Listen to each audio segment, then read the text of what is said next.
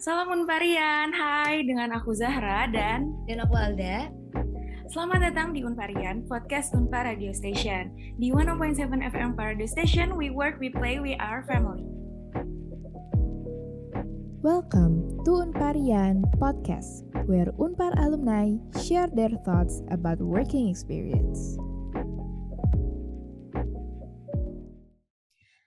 Halo Sobat Kampus, ketemu lagi nih sama Podcast Unparian ya. Dan as usual kita juga di Podcast Unparian ini bakalan ngobrol-ngobrol sama alumni dari Unpar yang pastinya hebat-hebat banget. Dan nanti juga kita bakalan sharing-sharing um, tentang kehidupan narasumber kita nih di dunia kuliah maupun di dunia kerja. Dan hari ini kita udah bareng sama narasumber kita yaitu Kak Tresi Tradia. Hai Kak Tresi. Halo Alda. Gimana kabarnya hari ini Kak? Baik-baik, sedikit mengantuk. Pinjem dulu ya kak weekendnya, karena kelihatannya Teres ini sibuk banget loh. Lumayan. Oke Kak nanti kita bakalan lebih lanjut ngobrol-ngobrol setelah ini ya Kak ya. Oke, oke. Nah buat sobat kampus nih yang belum tahu Unparan itu apa. Jadi Unparian itu udah ada versi podcastnya nih sekarang. Kalau sekarang biasanya Unparian udah suka ada di live Instagramnya Urs di at Unparadio Station siap Senin jam 3 sore. Sekarang udah ada yang lebih spesialnya nih. Jadi yang spesial udah bukan martabak aja ya sobat kampus ya. Kita juga punya nih yang spesial itu podcast Unparian. Keren banget kan ya. Dan hari ini kita udah bareng sama Kak Tresin yang tadi udah nongol sedikit. Beliau adalah merupakan alumni dari um, prodi manajemen yang lulus pada tahun 2013 nih. Jadi nih kita juga nanti bakalan ngobrol-ngobrol seputar karirnya Kak Tresi sekarang karena dia punya banyak banget karir di masa sekarang sebagai wanita independen yang super duper keren. Aku spill dikit deh nih, jadi Kak Tresi Tredia dia beliau merupakan sekjen dari ikatan ikut ikatan alumni Unpar, terus merupakan CEO and founder Hai Pajak, sekaligus dia itu co-hair uh, W20 bidang pemberdayaan wanita dan kesetaraan gender di forum G20 2022. Keren banget kan? Jadi nih buat sobat kampus yang udah penasaran gimana sih karir dia uh, di kerjaannya sekarang dan gimana sih dia cara bagi waktunya pas kuliah sampai nih sekarang beliau bisa menduduki karir yang sehebat sekarang. Amin lah, masih membangun Oke, kalau kayak gitu, tadi sama Alda udah di-spill sedikit nih tentang Kak Tracy. Tapi gimana kalau misalkan uh, aku minta Kak Tracy nih buat perkenalan diri langsung buat Sobat Kampus nih. Pasti kan Sobat Kampus juga pengen lebih kenal Kak Tracy lebih jauh. Gimana Kak? Boleh langsung perkenalan dirinya? Boleh. Apa aja ya kira-kira ya yang saya kenalin? Mungkin boleh uh, nama kakak, nama panjangnya, nama panggilan, atau hobi kakak dan keseharian kakak sekarang itu kayak gimana kak? Oke, nama saya sih banyak yang taunya Tracy Tardia. Hobi uh, sebenarnya hobinya banyak nih, jadi rada bingung juga kalau dibilang gitu. Jadi kayak ada hobi saya memang hobi santai itu kayak nonton drama Korea gitu. Terus uh, ada juga uh, saya lumayan seneng main golf sama temen-temen. Uh, teman-teman Unpar juga main golfnya karena uh, asik-asik kayak kita tipikal golfer yang kayak keliling-keliling lapangannya ganti-ganti. Uh, terus juga uh, punya hobi lainnya memang suka baca juga gitu dan uh, suka traveling juga cuman uh, selama covid itu nggak terlalu bisa traveling jadinya akhirnya travelingnya waktu kegiatan IKA Unpar nih kita kayak vaksin ke 16 kota kabupaten jalan-jalan nih di 16 kota kabupatennya Jawa Barat gitu Oke kak, ngomong-ngomong soal pandemi nih kan uh, kakak tadi dikasih tahu juga sama Alda kalau kakak adalah alumni Unpar nih. Kan waktu zaman kakak kuliah dulu uh, masih uh, offline ya kak, belum kayak sekarang. Kalau sekarang udah pandemi, jadi kita uh, kuliahnya juga daring. Kira-kira gimana sih kak ceritain vibes kakak waktu waktu kuliah offline dulu di Unpar gitu kak? Jadi sebenarnya selama pandemi itu yang pertama kali aku pikirin adalah kayak aduh untung banget ya uh, aku ini udah kayak kerja di masa pandemi nggak lagi sekolah. Karena kalau lagi sekolah tuh kayak yang kita cari kan adalah ketemu temen-temen nongkrong segala macem. Itu kan kayak the thing that we will miss gitu nantinya kalau kita udah lulus. Jadi pas pandemi itu sebenarnya aku kayak berpikir kayak untung banget udah lulus nih gitu. Jadi kayak sebenarnya kasihan juga nih sama teman-teman semuanya yang sekarang sekolah harus online itu kayaknya sebenarnya ngebuang waktu buat bermainnya gitu. Dulu sih saya waktu kuliah sebenarnya kalau di Unpar agak kupu-kupu ya. Jadi kuliah pulang kuliah pulang gitu. Saya banyak kan aktif organisasinya di luar Unpar bukan di Unpar gitu. Um, terus juga agak menyesal dulu lulusnya lebih cepat, maksudnya nggak usah cepet-cepet di Unpar eh, tiga setengah tahun saya. Terus uh, banyak aktivitas di luar paling kalau di Unparnya sendiri saya pernah aktif juga di Parahyangan Investment Club aja gitu jadi kurang lebih aktivitas saya di Unpar seperti itu Oke kak, kalau misalkan untuk kakak sendiri, uh, kenapa kakak memilih Unpar dan kira-kira kakak ini tahu Unpar dari mana awalnya kak? Oke, okay, tahu Unpar soalnya bokap lulusan Unpar juga gitu. Bokap memang lulusan Unpar. Awalnya sebenarnya saya ini tuh mau sekolah dokter tadinya gitu. Uh, cuman setelah berpikir-pikir kok kayaknya nggak cocok ya jadi dokter gitu kayaknya bakal bosen karena aku orangnya gampang bosen lebih seneng ketemu banyak orang kayak lebih seneng ngobrol. Jadi didismiss lah kayak dokter. Dan dari dulu memang uh, pada dasarnya aku tuh seneng bisnis gitu. Jadi dari SD itu tuh bahkan dari TK tuh udah kayak iseng jual-jual something gitu. Terus SMA itu aku udah main saham gitu. Jadi kayak uh, aku membiayai kayak traveling sendiri tuh dari main saham gitu.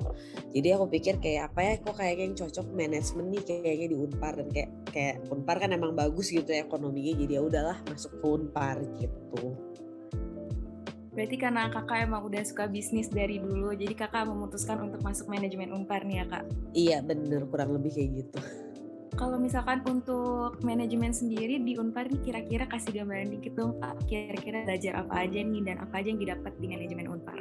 Hmm, sebenarnya banyak, tapi gini ya, sebenarnya ilmu tuh teori is one thing ya. Nantinya kita kalau udah kerja segala macam sebenarnya kita udah ada Google segala macam kita bisa buka kan. Cuman uh, yang kita pelajari di kampus itu di sekolah adalah kayak endurance kita ya kayak misalkan kita nggak suka nih pelajaran atau di pelajaran ternyata susah tapi gimana cara kita bisa lulus tetap datang ke kelas walaupun kita nggak suka hal-hal seperti itu kayak yang banyak dipelajarin. Tapi di luar itu pun ya kayak dari dulu saya memang suka pajak ya gitu. Dan sekarang bikin high pajak dulu eh, pajak pertama kali saya belajar di Unpar gitu. Salah satunya. Jadi aku suka banget pajak. Nggak tahu kenapa pas masuk kelas pajak tuh kayak merasa kayak ini pelajaran menarik banget. Sampai aku di kelas itu saya satu-satunya angkatan paling muda yang ada di kelas itu. Yang lainnya angkatan atas saya satu minimal gitu. Dan biasanya mereka pada nyontek ke aku. Jadi kayak masuk ke kelas tuh sampai kakak kelas aku tuh nyiapin tempat duduk buat aku sendiri harus di sebelah mereka gitu loh. Supaya kayak mereka nyontek gitu. Kayak bukan nyontek sih lebih kayak nanya-nanya. Karena mereka nggak mudeng gitu kan pajak. Tapi kalau aku kayak seneng banget. Dan karena seneng seneng juga nerangin ke mereka gitu. Itu yang dipelajari di Unpar juga. Terus kayak gimana manage waktu. Karena kan kalau kita kan SKS kan ngambil terserah kita ya. Kalau misalkan kita bisa sampai ngambil 24 segala macam kita harus bisa bagi waktunya mata kuliahnya kerja kelompok segala macam itu juga aku belajar manajemen waktu juga di Unpar gitu. Terus gimana caranya dengan kita ujian yang blok-blok supaya kita nggak pusing nih pas hari H ujian tuh cara manage belajar yang baik apa segala macam itu saya juga banyak belajar di Unpar sih gitu.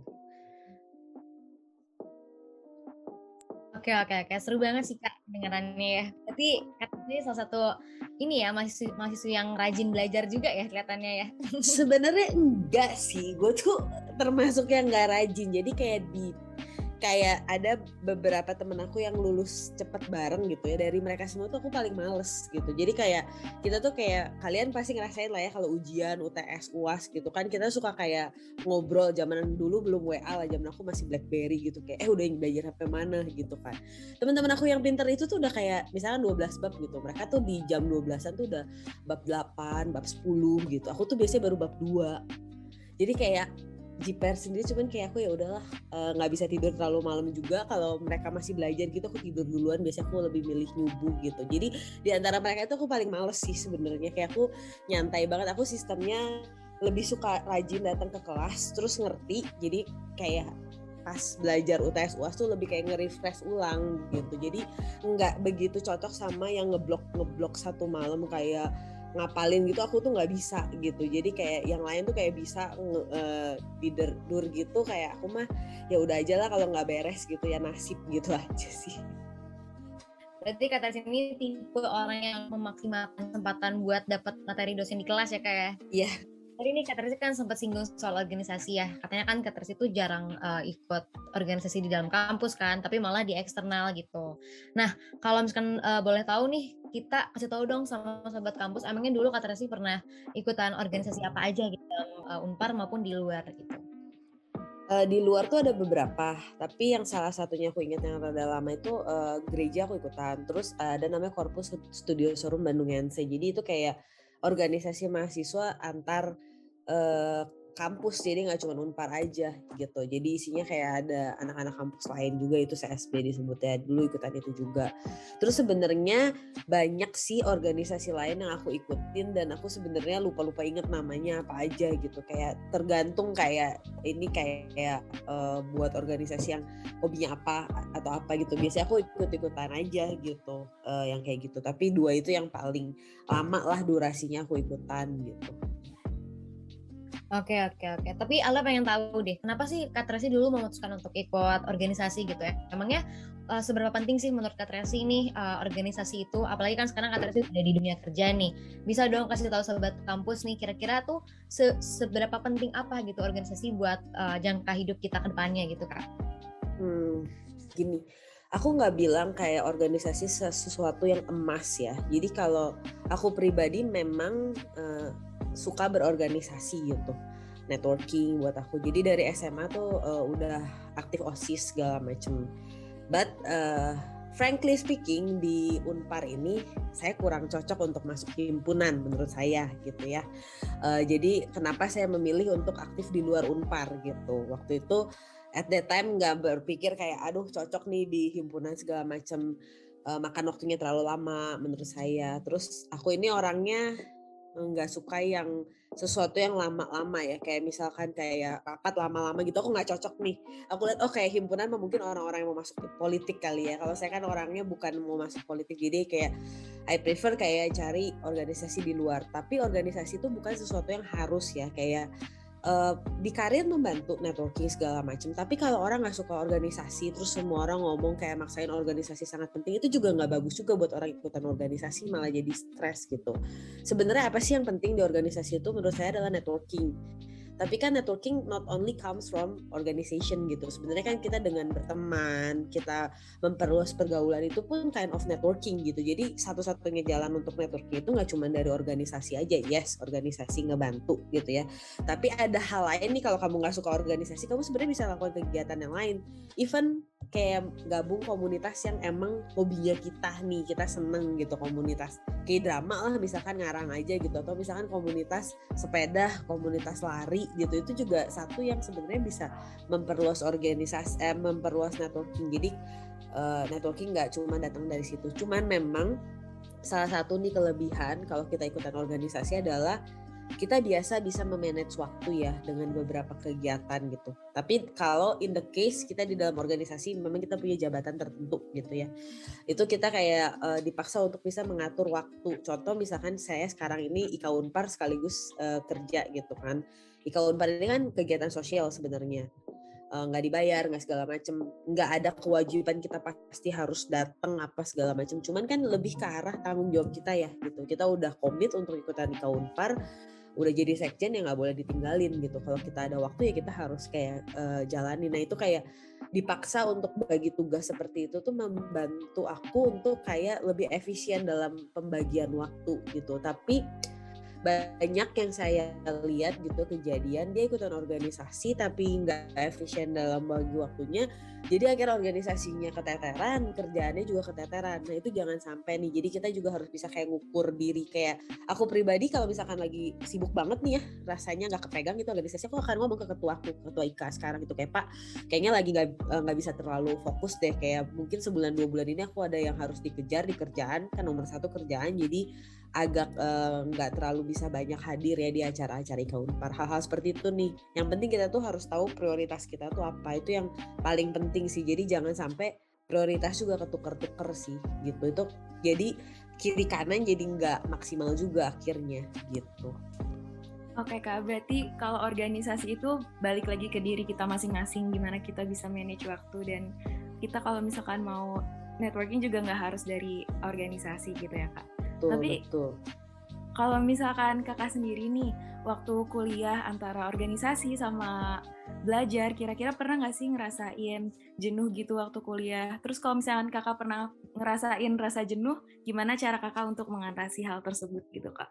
Hmm, honestly speaking, aku tuh suka belajar. Jadi baru menemukan benar-benar suka belajar tuh di kuliah sebenarnya gitu.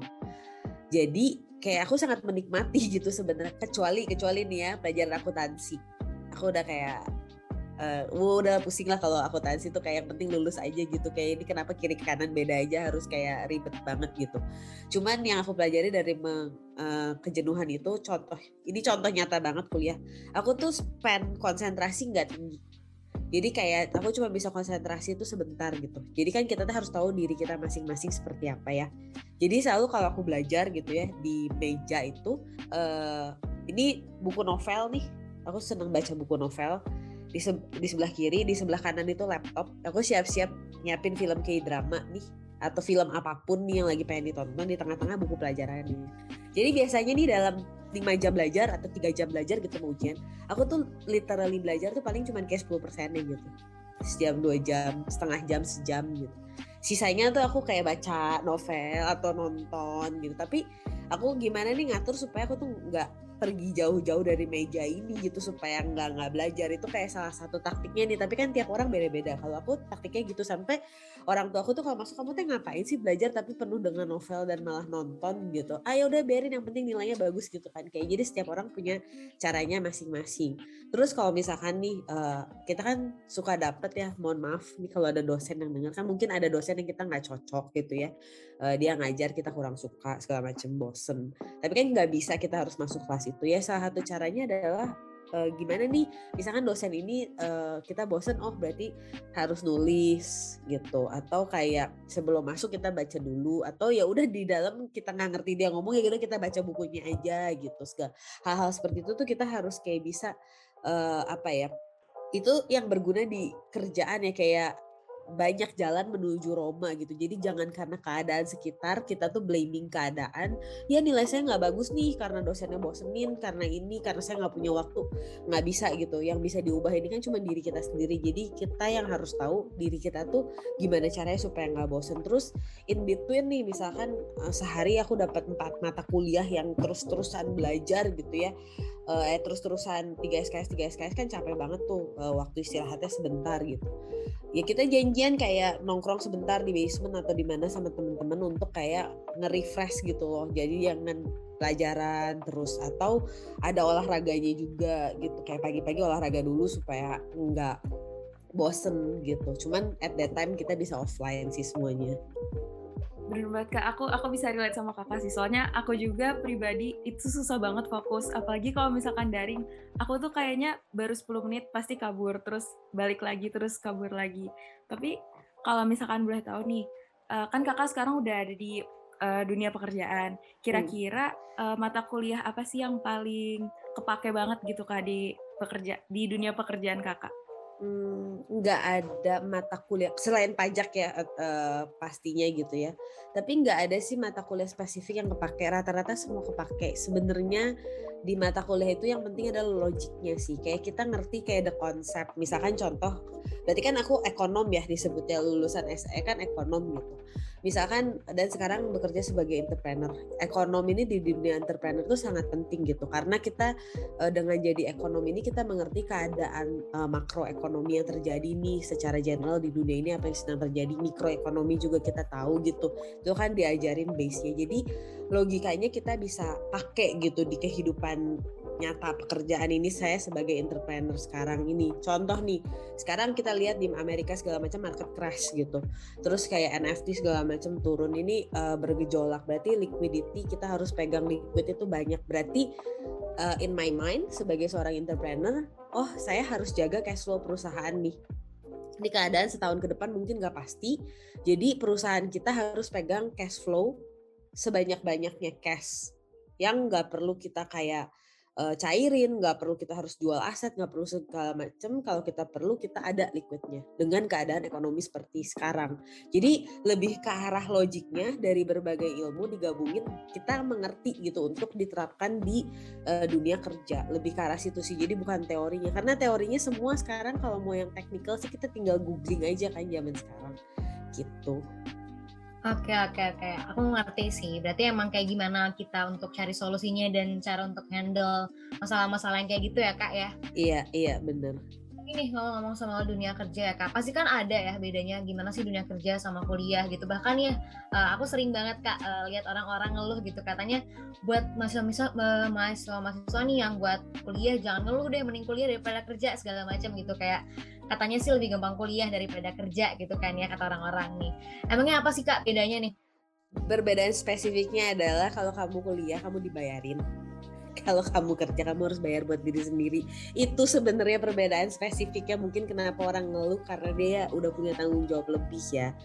Buat saya sih setiap stage dalam kehidupan kita kita harus bisa nikmatin gitu.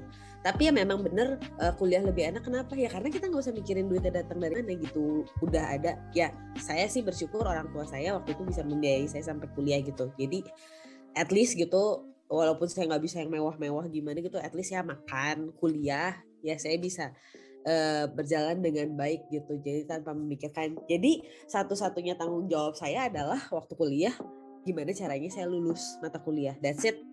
Ya kan? Paling embel-embelnya ya kalau kita ya patah hati putus gitu kayak uh, galau di ghosting sama ini ya masalahnya cuman gitu-gitu aja lah ya. bukan bukan men, bukan mengecilkan masalah cuman masalahnya cuman sama diri kita sendiri aja nih kalau misalkan kuliah lebih ke arah kayak gitu. Nah kalau kerja itu tanggung jawab kita tuh akan uh, apa ya relate sama orang lain juga gitu. Ada pihak ketiga contoh misalkan saya. Kalau saya nggak berhasil ini ada anak buah nih yang nggak bisa digaji gitu. Ini tanggung jawab saya nih untuk ngegaji anak buah gitu. Saya nggak bisa gaji gitu kalau saya nggak berhasil gitu. Terus uh, terus juga kita ada investor yang harus kita tanggung jawabkan uangnya kita pakai jadi nggak cuma tanggung jawab tuh nggak cuma berhenti sampai diri saya sendiri, tapi ada banyak nih parti-parti lainnya yang berhubungan yang ada tanggung saya harus bertanggung jawab gitu. Lebih ke arah situ sih sebenarnya gitu. Cuman makanya kenapa saya bilang harus uh, bisa menikmati setiap stage dalam kehidupan adalah ya setiap stage itu kayak ada punya problemnya masing-masing jadi kita instead of fokus sama masalahnya lebih harus bisa fokus sama gimana nih cara nyelesain masalah itu kalau misalkan kita cuman fokus sama masalahnya ya ujung-ujungnya yang istilah anak-anak sekarang kayak bestie butuh healing butuh healing gitu. Padahal kalau kamu kayak udah kerja gitu mau healing kapan? Setiap hari udah nggak mungkin kan gitu. Kayak kalau kita terus-terus fokus sama problemnya ya setiap hari kita butuh healing. Namanya juga kerjaan pasti itu adalah kerjaan yang kita lakukan untuk apa ya men-solving some problems gitu Nah, I see sih. Sebenarnya ya buat sobat kampus juga tadi Kak Resi udah bilang, mungkin terbedaannya adalah di goalsnya juga kali ya Kak. Kalau misalkan pas kuliah mungkin goals kita adalah untuk lulus gitu, sedangkan untuk kerja tuh jauh sekali gitu kan goalsnya. Karena ya bisa bisa lebih lihat juga gitu kalau ternyata kehidupannya masih sangat-sangat lama gitu. Tapi tadi Kak Resi juga udah kasih solusinya nih ya. Kalau misalkan kita tuh harus fokus sama solusinya bukan sama problemnya. Dan tadi juga udah bilang nih sobat kampus kalau misalkan yang perbedaan spesifiknya adalah tanggung jawabnya gitu ya kak. Tapi nih ngomong-ngomong soal tanggung jawab, uh, aku yakin sih tanggung jawab Kak Tracy ini sebagai CEO dan founder dari Hai Pajak itu pasti berat banget gitu ya. Kayak banyak sekali pertimbangannya gitu. Boleh dong kak diceritain gimana sih sampai akhirnya bisa jadi CEO dan founder dari Hai Pajak ini sendiri kak? Hmm, ceritanya cukup panjang sih cuman intinya saya tuh nggak pernah punya cita-cita jadi startup founder gitu saya nggak pernah gitu. Kalau orang lain kan kayak beberapa kayak oh emang dari dulu pengen bikin startup segala macam never have that uh, kind of uh, apa ya dream gitu. Cuman memang dari dulu saya pengen jadi entrepreneur uh, terus juga saya ini kan cukup ambisius lah ya bisa dibilang. Kayak dari saya SMP SMA gitu saya udah tahu mau ngapain gitu. Saya bilang saya mau kuliah saya nggak mau kuliah lama-lama. Saya mau kerja di kerjaan yang uh, kerjaan bagus uh, sekitar 2-3 tahun. Terus saya pengen S2 di tempat bagus. Terus saya pengen uh, either saya kerja lagi sebentar sama orang terus habis itu saya pengen bisnis. Pokoknya intinya goalnya saya pengen bisnis gitu. Tapi waktu saya mau S2 itu saya tuh pengennya masuk Ivy League di US gitu. Yang saya mau saya di defer gitu kayak ada syaratnya dia kayak nyuruh saya uh, dua dua tahun lagi kerja di mana saya bilang lah ini kan kalau saya kerja lagi kayak waktunya kebuang banyak nih. Pokoknya intinya disended nggak uh, bisa dapat lah si S2 ini gitu. Kayak uh, bisa waktu udah datang ke sana ketinggalan pesawat segala macem gitu. Akhirnya bokap gue bilang kayak eh kalau lu bukan jalannya ya mau lu kayak guling-guling nangis data kayak apa juga gak akan dapet gitu. At uh, apa ya this is the first time in my life kayak apa yang gue rencanakan itu tidak terjadi gitu si S2 itu. Kayak gue sebenarnya kayak terpukul banget kayak gimana sih uh, gue tuh pengen banget nih S2 itu salah satu yang menurut aku tuh milestone yang harus dilewatin gitu. Tapi nggak dapet. Tapi akhirnya kayak uh, sempet kayak galau terus akhirnya ya udah deh uh, coba deh bikin bisnis gitu kayak dan gue menemukan permasalahan di pajak. Jadi gue bantuin dulu bisnis keluarga di situ gue nemuin permasalahan pajak maka jadilah buat high pajak.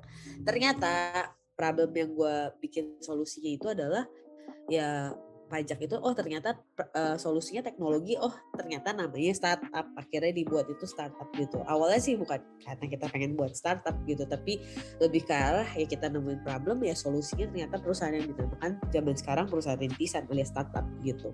Itu kurang lebih ceritanya dan terus uh, ternyata kita bisa bertemu partner yang pas segala macam akhirnya ya uh, kita mendirikan high pajak itu gitu Berarti uh, kakak sendiri mendirikan Hai Pajak karena awalnya men menemukan problem dulu ya kak, baru kakak bisa mendirikan Hai Pajak ini. Iya benar. Terus kakak tadi uh, sempat bilang kalau misalnya kakak nggak pernah kepikiran untuk uh, apa ya jadi founder atau CEO sebelumnya. Terus sekarang setelah kakak jadi CEO dan founder, gimana nih perasaannya kakak? Hmm. Apa aja kira-kira yang kakak lakukan sebagai CEO? Ini apa ya? Kalau agak berbeda mungkinnya sama yang orang share-share kayak di sosial media gitu kayak sebenarnya kita sebagai CEO tuh adalah orang yang harus bisa ngerjain segalanya di dalam satu perusahaan itu gitu menurut saya ya gitu jadi kayak kita harus ngerti semua yang ada di dalam situ uh, kalau misalkan ada yang perlu di backup kita harus bisa backup segala macam gitu dan uh, penting banget kayak waktu aku pernah kerja di Astra itu di diajarin gitu ya uh, bahwa pertama tuh diri kita yang harus diberesin terus baru uh, ngatur sekitar baru sebuah organisasi gitu yang bisa kita beresin gitu. Jadi benar-benar PR paling berat adalah sebenarnya kayak manage diri kita sendiri gitu. Kayak contoh, aku nggak datang ke kantor, aku telat gitu, siapa yang akan marahin? Gak ada kan shareholder nggak akan ada di dalam situ setiap hari. Investor juga kita cuma ngasih report ke investor sebulan sekali gitu. Nggak ada di dalam situ. Jadi kayak nggak ada nih yang marahin kita sebenarnya mau kayak gimana. Cuman kalau kitanya sendiri ngasih contoh nggak bener ke anak buah gitu. Gimana caranya kita minta anak buah kita buat disiplin kalau kita juga nggak disiplin. Jadi kayak day by day memaksakan kita untuk datang, untuk kerja itu adalah kayak ya salah satu yang menurut aku berat gitu. Kayak sebenarnya kita nggak punya kewajiban nggak ada yang nuntut kita nggak ada yang marahin tapi kita harus bisa maksain diri kita sendiri gitu. Terus nah, setelah aku jadi entrepreneur itu aku nggak pernah lagi kayak aduh hari Senin gitu. Udah nggak pernah lagi kayak gitu gitu. Karena kadang-kadang kayak even Sabtu Minggu gitu kita suka ada meeting ada kerjaan. Tapi bukan berat aku nggak bilang kayak itu hal yang berat ya. Kayak ya udah itu emang tanggung jawab kita aja gitu. Toh juga lama-lama kita menikmati aja biasa aja gitu. Ada meeting hari Sabtu ada meeting hari Minggu atau kita harus interview orang hari Sabtu atau Minggu tuh buat aku semakin ke sini semakin biasa aja gitu. Kadang misalkan kalau kita lagi capek banget gitu ya Sabtu Minggu kita masuk gitu ada kerjaan biasanya aku ambil kayak hari lain untuk istirahat gitu. Kayak kita yang harus bisa manage waktu sendiri gitu. Terus uh, sebagai seorang startup founder yang pasti kita harus bisa cepet jumping-jumping dari satu role ke role lainnya ya.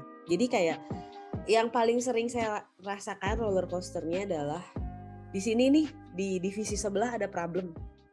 Kalau nggak di divisi misalkan sama investor or anything lah ya ada problem gitu dan uh, problemnya parah banget gitu sangat membuat pusing kayak bisa ke mana-mana kalau nggak cepet-cepet di solve. tapi itu di divisi ini gitu. Terus kita meeting pindah ke divisi sebelah nih. Ini kan divisi ini nggak ada masalah nih. Misalkan aku contohin asal aja gitu ini divisi teknologi produk gitu. Dia ada masalah ternyata ada bug yang parah banget sehingga bikin kayak error uh, yang nggak bisa dipakai. Bisa turunin retention customer bisa turunin customer. Itu kan pusing banget nih. Atau misalnya ada hacker gitu. Terus kita masukin ke divisi sales meeting selanjutnya divisi sales di divisi sales kan kita nggak boleh bilang aduh guys ini kayak produknya bakal masalah nih kalian nggak bisa jualan nih. Nggak mungkin kayak gitu kan. Kita kayak harus tetap optimis kayak as if nothing happen gitu. Kayak oke okay, mau jualan berapa targetnya berapa harus tetap optimis harus bisa jualan. Kayak rencana kalian seperti apa itu kayak yang paling sering dirasakan gitu. Jadi manage emosi. Jadi uh, kalau sebagai startup founder yang salah satu yang aku belajar banyak adalah kita harus very very stable. Nggak boleh kayak emosional naik turun. Terus misalkan kita lagi marah sama uh, satu orang memang melakukan kesalahan ya nggak boleh juga orang lain yang nggak melakukan kesalahan ikutan kena marah. Itu yang kayak manage that stability itu adalah satu salah satu PR yang paling baik dilakukan. Dan intinya sih sebenarnya ya manage ourselves sih itu yang paling PR jadi uh, eh, jumping jumping itu terus kita dituntut untuk bisa multitasking hal-hal seperti itu di satu sisi kita uh, menghadapi investor kalau misalnya kita investor kan kita jadi kayak bukan bawahan ya tapi kan seseorang yang kayak nge-serve data ada permintaan segala macam tapi uh, di satu satu sisi kamu bisa harus bisa cepet switch jadi leader. Jadi kayak kamu harus bisa kayak nge-switch switch kayak role role di jadi di dalam otak tuh kayak ada kayak ada saklar tuh harus cepet ceklek ceklek ceklek diganti. Sekarang role-nya ini sekarang role-nya ini sekarang kamu ngobrolnya sama siapa? Sama partner oh berarti kamu role-nya apa? Itu tuh pergantian pergantian itu harus bisa kita uh, lakukan dengan cepat dan kita tidak boleh terbaca ada masalah gitu di anak buah. Karena misalkan misalkan nih ada masalah tiba-tiba covid aduh bingung bayar uh, pegawai. Kan nggak mungkin kita guys. Saya nggak yakin nih bisa bayar gaji kalian bulan ini nggak yakin bisa bayar atau enggak itu kan nggak mungkin kan kita kayak gitu. Nah hal-hal seperti itu adalah challenge yang uh, paling besar untuk startup founder. Nggak uh, cuma startup founder tapi kayak business owner yang harus bisa ngatur sih kayak mood-moodnya seperti itu gitu. Oke kak, berarti pengendalian diri emosi itu emang penting banget ya kak buat menjadi seorang start founder itu. Bener. Karena berarti kalau misalkan apa yang kita lakuin juga pastinya berpengaruh banget sama anggota-anggota yang lainnya ya kak. Bener-bener. Oke, kalau misalkan kayak gitu, uh, boleh dong kak uh, kasih keunggulan HI pajak gitu kak dari aplikasi yang lain biar sobat kampus juga tahu. Oke, sebenarnya ya dari tadi ngomong pada nggak tahu mungkinnya hai pajak karena kalian belum mulai bayar pajak. Jadi uh, kita ini menyebut diri kita One App Tax Assistant. Jadi kita lebih kayak asisten berpajakan gitu. Kita pakai teknologi artificial and human intelligence uh, di apa namanya di aplikasi kita ini. Jadi uh, kita slogannya kayak uh, tax SDC as chatting. Jadi kayak benar-benar orang yang ngerti pajak sama sekali, yang penting dia bisa bahasa Indonesia dan dia bisa chatting, that's it. Dia bisa pakai aplikasi Hai Pajak target market high pajak ini adalah uh, freelance dan UMKM gitu. Untuk sekarang ini uh, user kita udah sekitar 700 ribu users gitu. Oke oke oke keren sih kak ya tentang high pajak ini. Mungkin ini juga nanti bakal memudahkan uh, kaum milenial yang udah melek teknologi juga ya kak ya biar balance gitu karena kan sekarang udah sudah digital gitu ya. Tapi keren sih kak ini untuk idenya jujur aku uh, juga kayak kepikiran gitu bikin tentang pajak keren banget deh kak tapi nih selain jadi CEO dan founder uh, Hai Pajak, uh, aku juga tersin jadi sekjen di IKA juga kan ya di Ikatan Alumni Unpar. Boleh dong kak diceritain gimana sih bisa jadi uh, sekjen dan gimana sih prosesnya kita bisa jadi part of uh, IKA Unpar tuh kayak gimana gitu dan sampai akhirnya jadi sekjen apakah emang prosesnya ada pemilu kah atau kayak gimana ya gitu kak? Oke, okay. ya ya. Uh, sebelumnya selingan iklan dulu boleh ya. Teman-teman kalau yang mau lulus boleh bisa bikin NPWP-nya lewat Hai Pajak. Jadi nggak usah ke kantor pajak lagi jadi kita bisa ya generate NPWP juga. Untuk ikatan alumni Unpar atau kita biasa sebut IKA Unpar itu sebenarnya kalian ini kalau lulus sebagai alumni automatically kalian part of IKA Unpar. Nggak perlu daftar nggak perlu apa itu kalian part of IKA Unpar uh, di luar yang lulus sebenarnya kalian minimal satu tahun ada di Unpar itu uh, kalian udah bisa jadi uh, apa namanya uh, anggota ikatan alumni Unpar gitu. Nah di IKA Unpar ini kita ada kepengurusan itu ada dibagi tiga ya sebenarnya gitu. Jadi IKA pusat DPP IKA Unpar pusat itu adalah itu yang benar-benar uh, semuanya ya jadi lintas fakultas lintas jurusan lintas wilayah itu IKA, DPP IKA Unpar pusat terus uh, ada IKA fakultas kan gitu jadi kayak walaupun ada beberapa IKA fakultas yang malah jadi kayak IKA jurusan karena ada sejarahnya panjang lah gitu eh kayak IKA IAT, sipil, terus arsitektur, ada ikatan alumni ekonomi, IKV, uh, terus ada filsafat, ada fisip gitu. Terus yang ketiga adalah uh, IKA berdasarkan wilayah. Jadi Jabodetabek, Jawa Tengah, Jawa Timur, Bali, Sumatera Utara, sekarang yang ada Kepri. Nah itu jadi kayak IKA Unpar seperti itu. Kalau mau jadi DPP IKA Unpar adalah biasanya kalau sudah ada pemilihan ketua baru itu kita buka uh, kayak oprek ya gitu kayak open recruitment jadi ada dua sih. Jadi kita minta rekomendasi nih dari IKA fakultas masing-masing. Ada juga kita uh, open uh, ya oprek itu bahwa kita sedang membuka lowongan untuk menjadi pengurus DPP IKA Unpar gitu. Biasanya preferably kita uh, memilih orang-orang uh, yang pernah kita kerja sama bareng panitia gitu misalkan di event-event tertentu tanpa dia sebelumnya sebagai pengurus jadi sebenarnya uh, kalau dibilang sebagai jenjang karir yang gak jenjang karir juga ya sih jenjang si organisasi ini adalah kalau teman-teman semua tertarik untuk ikutan nikah unpar dan pengen jadi pengurus sebenarnya yang pertama kali teman-teman harus lakukan adalah teman-teman jadi panitia nih salah satu event-event itu itu paling salah satu jalan termudah untuk kayak masuk ke si DPP ke Unpar. Jadi kan kalau kan teman-teman kayak kerjanya bagus segala macam mungkin ada dari pengurus yang ngeliat dan akan narik kalian untuk jadi pengurus juga gitu. Itu salah satu uh, jalannya. Terus kalau untuk menjadi uh, apa ya ketua IKA dan jajarannya itu kita ada namanya ah, kok gua tiba-tiba kongres kongres jadi kongres itu setiap 3 sampai empat tahun sekali gitu ada kongres IKA Unpar untuk pemilihan ketua nah biasanya ketuanya itu pas kongres sudah uh, bilang uh, at least dia akan bilang uh, minimal uh, ketuanya siapa sekjennya siapa gitu dalam pemilihan itu gitu. Uh, biasanya di luar kalau misalkan nggak ketua sama sekjen, ketua wakil ketua sekjen gitu. Itu yang biasanya mereka omongin atau uh, apa ya yang intinya ditambah bendahara gitu. Biasanya itu pas mereka pemilu mereka udah bilang nih ini siapa ketuanya dan akan memilih sekjen siapa jajarannya kurang lebih seperti ini gitu. Itu uh, kongresnya itu uh, nanti jadi kayak setiap fakultas itu punya kuota gitu. Jadi nggak semua kayak 60 ribu alumni punya suara 60 ribu nggak kayak gitu. Karena kan kita tuh belum integrated nih alumni tuh masih banyak yang scattered gitu. Jadi uh, pakai kuota gitu. Jadi misalkan uh, pakai rasio gitu nih. Misalkan uh, jumlah alumni sipil 5000 jumlah alumni ekonomi 10000 berarti rasionya satu banding dua. Jadi uh, dari dari sipil cuma boleh satu orang dari ekonomi boleh dua orang kayak gitu-gitu. Jadi rasio pakai rasio kayak gitu dari setiap fakultas. Terus biasanya juga dari setiap fakultas ini uh, mereka harus kayak uh, kasih kayak ya ini ini adalah uh, wakil-wakil kita yang akan memilih gitu. Jadi harus di di ACC juga sama ketua IKA fakultas masing-masing dan ketua IKA wilayahnya untuk nanti uh, mereka masukin suara untuk pemilihan ketua IKA Unpar. Kurang lebih kayak gitu sih. Wow, berarti emang prosesnya juga panjang banget ya kak. Dan yang aku lihat sih mungkin uh, dibuat untuk seadil mungkin gitu ya dengan adanya rasio segala macam gitu kan. Dan udah jadi ada apa ya pemilihan umum juga gitu. Jadi dipilih berdasarkan emang keputusan bersama gitu ya kayak. Ya. Tapi ini tadi Kak Teresa sempat nyinggung nih soal event gitu kan. Kalau misalnya emang mau uh, jadi part of Ikaunpar yang emang aktif gitu, ikutlah jadi salah satu panitia eventnya gitu. Mm -hmm. Setelah ini kemarin tuh baru ada uh, leaders talk kan. Yeah. Itu mungkin salah satu Ikaunpar kan. Mm -hmm. Nah, next eventnya nih yang terdekat dari Ika ada apa ya Kak kira-kira?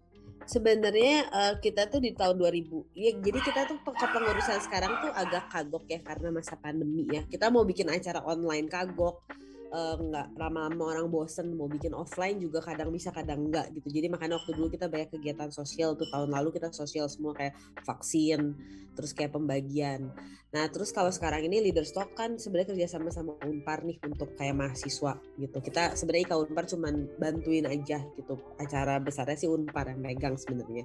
Nah habis ini tuh sebenarnya yang lagi kita fokusin adalah uh, aplikasi Kaunpar gitu. Di situ pun kita di aplikasi Ika Unpar kita baru ada uh, alumni yang lulus nih baru lulus ini uh, kita masukin untuk jadi uh, timnya untuk bikin aplikasi. Uh, bukan aplikasinya udah jadi cuman kayak untuk persiapan launching.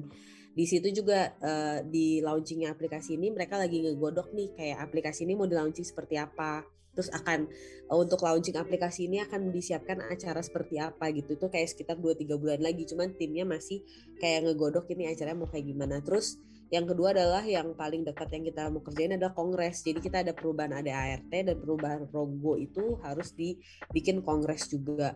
Terus juga sebenarnya ada event eh, IKA Unpar yang biasanya kita paling sering lakukan itu yang paling ditunggu-tunggu ya event offline itu dari para hiangan bisnis club. Jadi biasanya kayak ada seminar uh, offline yang biasanya minimal yang hadir 500 orang gitu di Jakarta. Uh, itu bentar lagi kan kita adakan lagi nih. Kalau misalkan kita rasa ini statusnya akan terus endemi kita akan adakan. Terus yang lainnya adalah uh, IKA Unpar ini kan sekarang bergabung sama empat uh, universitas lain ya. Uh, IAITB Ikatan Alumni ITB Unpad IPB UI dan Unpar gitu jadi kita limaan ini kan nanda tangan MOU tahun lalu kita Jabar Festival tahun ini W20 nah tahun ini kebetulan uh, Ika Unpar bantu juga nih di W20 gitu jadi uh, itu juga salah satu event yang akan ada nih uh, September, Agustus September gitu. Jadi kita akan kerjasama untuk uh, persiapan acara untuk G20 itu uh, kita buat W20 di Jawa Barat gitu. Kak, tadi kakak udah nyebutin ya kira-kira next event ada apa aja dan cukup banyak ya kalau misalkan tadi didengar ada mau launching aplikasi juga dan lain-lainnya. Kalau misalkan kakak sendiri nih kira-kira uh, waktu itu kakak sempat ikut English uh, business di Melbourne ya kak? Iya. Uh, aku juga mau nanya nih kak sama sobat kampus mungkin juga penasaran kenapa kakak tertarik untuk uh, mengambil itu kak? Sebenarnya lebih ke arah saya pengen main aja sih itu. Cuman kebetulan kayak main kalau lama gitu kan harus kayak uh, pelajari sesuatu karena ya one thing uh, aku berpikir kayak untuk uh, English business juga perlu kita bisa gitu. Kayak beda sama bisnis sehari-hari. Kalau English business kan lebih kayak benar-benar bisnis yang buat kayak proposal negotiation presentation gitu. Kayak aku memang tahu aku butuh sih gitu itu jadi kayak memang ngambil itu juga sekalian juga kayak hmm, apa namanya uh, sekalian juga untuk refreshing juga sih gitu itu kenapa ngambil bisnis English Berarti uh, kakak ingin refreshing ya, jadi kakak ngambil bisnis English di Melbourne. Betul. Oke okay, kak, kalau tadi kakak sempat bilang kalau misalkan Ika mau bergabung di W20 ya di W20 itu, uh, kira-kira nih uh, pasti kan banyak yang belum tahu nih kak W20 itu apa. Uh, boleh nggak kakak jelasin sedikit tentang W20 dan tentang bidang pemberdayaan wanita dan kesetaraan gender ya kak di forum. Mm -hmm. Jadi W20 ini khusus untuk uh, jadi kan kita akan ada G20 presidensi kan nanti uh, di Q3 Q4 di 2022 ini gitu. Sebelumnya tuh kayak ada anak-anak uh, acaranya gitu. Salah satunya W20 Women 20 gitu. Jadi khusus untuk yang Ika Unpar pegang ini Women 20 ini Women 20 yang di Jawa Barat yang berlima dengan universitas lainnya di Jawa Barat gitu. Acaranya sebenarnya akan uh, ada kayak susunan uh, apa namanya pembicara dari luar negeri gitu. Jadi kayak international cross border kayak uh, sharing tentang kesetaraan gender dan wanita. Terus sebenarnya yang kita mau fokusin lebih ke recovery ekonomi, uh, recover together, getting stronger together yang kayak gitu sih. Sebenarnya kayak ini kan habis pandemi, terutama wanita yang punya bisnis gimana caranya bisa recover bareng-bareng. Nah, terus nanti puncak acaranya adalah uh, kita mau ngadain festival di Braga, Asia Afrika uh, yang melibatkan uh, usaha wanita-wanita dan kayak performance dari cewek-cewek gitu. Misalkan ada fashion show terus tarian segala macam itu dari cewek semua. Terus uh, juga uh, buka UMKM gitu. Jadi kayak usaha UMKM nanti ada showcase-nya juga. Di, diutamakan untuk UMKM yang wanita gitu. Gimana dan juga gimana kita bantuin nih si UMKM ini. Gak cuma dia kayak showcase aja cuman kayak gimana nih dia bisa recover atau dia bisa misalkan tadinya punya kerjaan terus kena layoff gitu dan keadaan dia bisa bis, bangun bisnisnya sendiri. Itu adalah yang akan kita lakukan di W20 Oke kak, berarti tujuannya itu untuk sama-sama menguatkan satu sama lain, terutama perempuan ya kak. bener bener. Kalau misalkan untuk harapan kakak sendiri nih uh, dalam keterlibatan kakak di G20 itu apa ya kak kira-kira? Harapan saya sih lebih ke arah uh, sama-sama apa ya sama-sama bisa recover gitu dari pandemi. Kan pandemi adalah sesuatu hal yang nggak ada orang yang nyangka nggak ada orang yang tahu nggak pernah ada yang ng ngalamin juga gitu. Jadi uh, dengan adanya G20 ini uh, dengan adanya banyak negara yang ikutan tuh bisa jadi recover. Jadi kan kalau kita uh, banyak pemikiran disatukan dan terus kayak banyak resource dari hal dari tempat-tempat yang berbeda dan dari skill set yang berbeda disatukan kan hasilnya akan lebih baik nih. Itu yang uh, diharapkan utama ya. Dan yang lainnya adalah sebenarnya untuk Indonesia ini sendiri gitu dengan dipilihnya Indonesia untuk G20 itu kan sangat baik gitu Indonesia dan akan mendapatkan banyak opportunity dan uh, tentunya efeknya adalah kenaikan ekonomi gitu. Itu yang sangat diharapkan di G20 ini gitu. Harapannya juga di G20 ini semuanya berjalan lancar jangan sampai ada kendala-kendala karena kita tuan rumahnya gitu. Karena ini menyangkut nama baik Indonesia juga di luar recovery together-nya itu. Itu sih harapannya kita Oke oke oke, aku aku dapat sih kak poinnya nih. Tapi kan tadi udah denger nih beberapa kegiatan Kak Tracy ya, ada jadi CEO, terus juga jadi Sekjen IKA, terus juga aktif di G20 dan W20 ini ya kak ya. Dan mungkin nih pasti kan uh, Kak Tracy juga butuh dong waktu buat uh, keluarga dan mungkin untuk teman-teman untuk uh, having fun, juga untuk diri sendiri lah ya yang bikin jadi bingung nih buat Alda dan mungkin juga buat sobat kampus yang lagi dengerin adalah gimana sih kak cara bagi waktunya dan gimana sih biar nggak burn out gitu loh. Karena kalau misalkan Alda lihat nih kayaknya tanggung jawab tuh sama-sama besar ya semua jadi CEO jadi sekjen segala macam. Gimana sih kak cara manage waktu dan gimana juga cara manage uh, psikis kita biar nggak burn out gitu kak? Hmm. gini uh, waktu yang kita punya sebenarnya terbatas kan nggak banyak gitu waktu yang kita punya. Dan kita nggak bisa terus-terusan healing atau apa gitu. Jadi instead of kayak aduh gue harus ke Bali atau harus liburan ke mana gitu kayak gimana caranya saya bisa nyelipin waktu untuk kayak uh, refreshing? Contoh misalkan uh, aku senang main golf nih misalkan. Oh ya udah seminggu ada setengah hari aku waktunya diselipin buat main golf gitu sama temen-temen.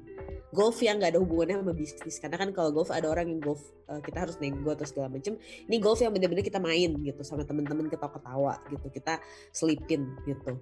Uh, terus uh, buat aku prioritas nomor satu itu keluarga dan temen gitu. Jadi kayak kalau misalkan ada acara keluarga, mau ada meeting lain segala macam itu nggak bisa. Prioritas aku udah ada janji makan sama keluarga nih atau misalkan aku harus ke Bandung udah uh, dua minggu nggak pulang ke Bandung aku ke Bandung gitu. Terus kan uh, ayah saya tuh lagi sakit gitu kemo. Jadi kalau ayah saya lagi kemo saya harus datang ke Bandung gitu.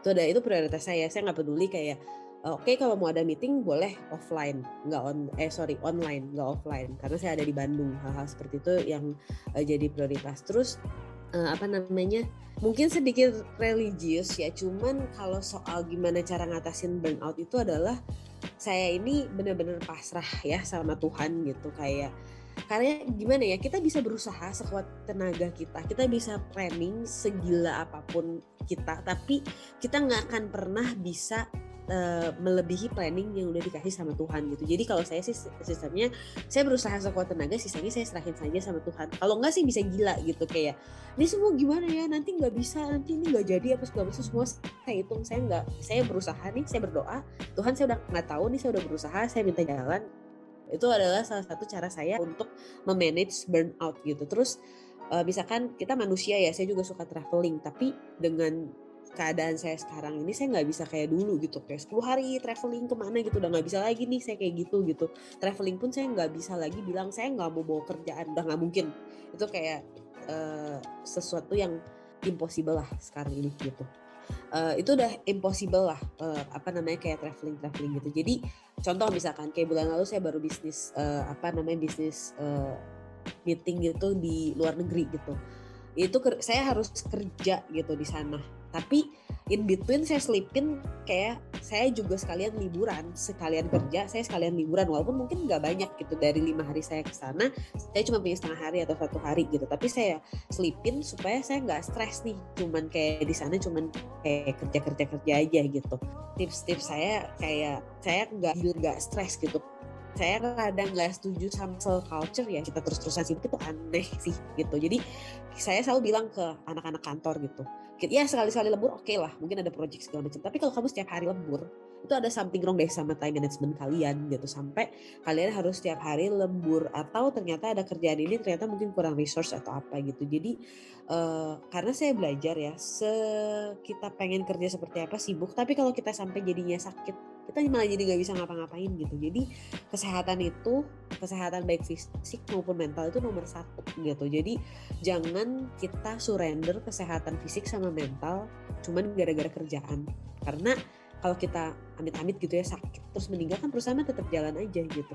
Ya kita aja yang sakit gitu. Ngapain gitu kita kayak ngerelain hal seperti itu gitu. Jadi kita yang harus pinter-pinter sometime sometime nih Eh, nggak uh, tahu bener atau enggak gitu ya. Cuman kalau aku pribadi sih aku bilang kita harus sedikit egois buat diri kita sendiri gitu. Terutama yang menyangkut kesehatan menyangkut keluarga menyangkut waktu kita dengan quality time dengan orang terdekat kita itu tuh kita harus egois gitu jadi uh, ya itu sih sebenarnya yang harus kalau dari saya sih kepada teman-teman semua sih itu salah satu tips and triknya Oke kak, berarti intinya itu kita juga tetap harus mikirin prioritas kita dulu apa terus kita harus bisa ngatur time management kita dengan baik.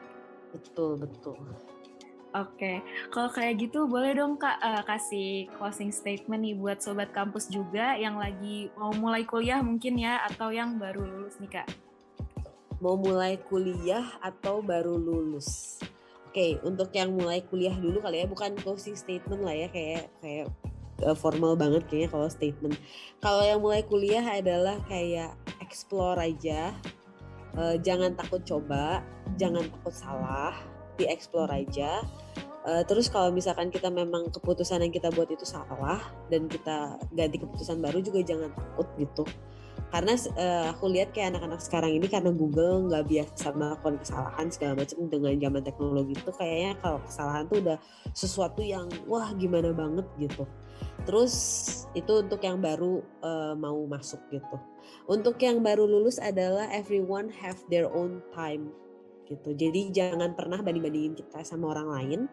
Yang harus kita bandingin ada diri kita kemarin dan diri kita hari ini. Bukan kita ngeliat sosial media teman saya udah gini, teman saya udah kayak gitu. Enggak. Jadi kayak uh, kita punya time zone masing-masing. Jadi kayak kita fokus aja sama diri kita sendiri, sama time zone kita. Belum tentu nih misalkan secara karir sekarang kok kayak teman saya keterima di perusahaan besar apa segala macam, saya belum keterima keterima apa. Belum tentu nanti di masa depan dia lebih bagus juga gitu. Atau belum tentu mungkin dia tetap lebih bagus gitu, tapi itu nggak bagus buat kamu gitu. Jadi setiap orang tuh punya jalannya masing-masing. Jadi fokus aja sama diri sendiri gitu supaya nggak stres juga. Wah keren banget sih kak, aku setuju banget nih kalau misalkan uh, setiap masing-masing individu tuh punya waktu dan jalannya masing-masing gitu ya. Jadi kalau kita terus-terusan bandingin tuh nggak akan ada beres-beresnya karena ya yang kita bandingin juga tuh belum tentu emang itu uh, pas juga buat kita gitu ya. So thank you banget nih kak Teresi udah sharing-sharing tentang karirnya, tentang masa-masa kuliahnya juga. Tapi nih sebelum kitanya pamit, mungkin sobat kampus juga pengen kenalan lebih lanjut sama uh, Kak Tracy. Boleh dong dikasih tahu sosial medianya atau mungkin sosial media dari Hai Pajak itu sendiri atau info-info tentang Ika Unpar bisa didapetin di mana gitu Kak kalau di sosial medianya. Oke, okay, uh, sosial media pribadi dulu ya paling. Kalau misalkan teman-teman semua mau ada pertanyaan atau segala macam boleh shoot DM aja di Instagram at tracy t r a c y dot tardia t a r d i a. Uh, kalau DM kenalin diri dulu ya saya dari Unpar kayak gini gini gini mau nanya apa segala macam pasti saya jawab. Ya mungkin nggak langsung dijawab tapi pasti dijawab gitu apalagi dari Unpar. Itu uh, kalau or LinkedIn kalau misalkan mau lebih profesional tapi kayaknya Instagram aja lah gitu kayak LinkedIn terlalu profesional. Terus uh, kalau di Hai Pajak kita ada Instagramnya at haipajak.id terus kalau Ika Unpar kebetulan kita punya kabar buruk bahwa eh, Instagram account kita baru dihack dan kita nggak bisa retrieve lagi gitu. Lagi dicoba uh, kita kira putusin untuk bikin baru karena nggak bisa di retrieve lagi. Tapi nanti akan ada Instagram Ika Unpar itu biasanya uh, apa update-update ada di situ dan bentar lagi kita akan launching aplikasi Kaunpar sama websitenya jadi semua informasi dan teman-teman juga bisa daftarin diri di situ gitu. Oke, terima kasih banyak ya Kak Tracy yang mau iya. sharing-sharing nih bareng sama Sobat Kampus dan bareng sama Radio Station juga, bareng sama Ala sama Zahra dan yang lain juga nih. Thank you banget ya Kak Tracy ya, semoga yeah. sukses selalu nih untuk kerjaannya. Uh, semuanya lah Amin, ya, amin. Sama Kak. Ya, makasih. Dadah. Thank you, Kak. Oke, Sobat Kampus, itu dia tadi nih uh, obrolan kita bareng sama Kak Trasita Dia nih ya. Udah punya banyak banget pengalaman dan juga karir yang super duper keren menjadi CEO dan founder dan juga nih tetap berbakti untuk kampus menjadi salah satu uh, sekjen di Ikatan Alumni Unpar. Jadi ini buat kamu Sobat Kampus, siapa tahu dengan adanya podcast Unparian ini bisa bikin kamu jadi semakin termotivasi nih buat langsung lanjut kuliahnya. Karena tadi juga Kak Trasita udah kasih kan tips and trick gimana sih buat uh, cara atasin burnout kamu dan gimana sih buat bikin time management versi kamu kayak gitu. Kalau gitu, thank you so much buat sobat kampus yang udah dengerin podcast Unparian kali ini. Thank you, uh, thank you juga buat Zahra yang jadi partner Alda hari ini. Jangan lupa buat dengerin terus podcast Unparian dan juga live Unpariannya ada di Instagram at Station dan podcastnya juga. Dan jangan lupa buat stay tune terus di 107.7 FM Unpar Radio Station. We work, we play, we are family. Bye-bye.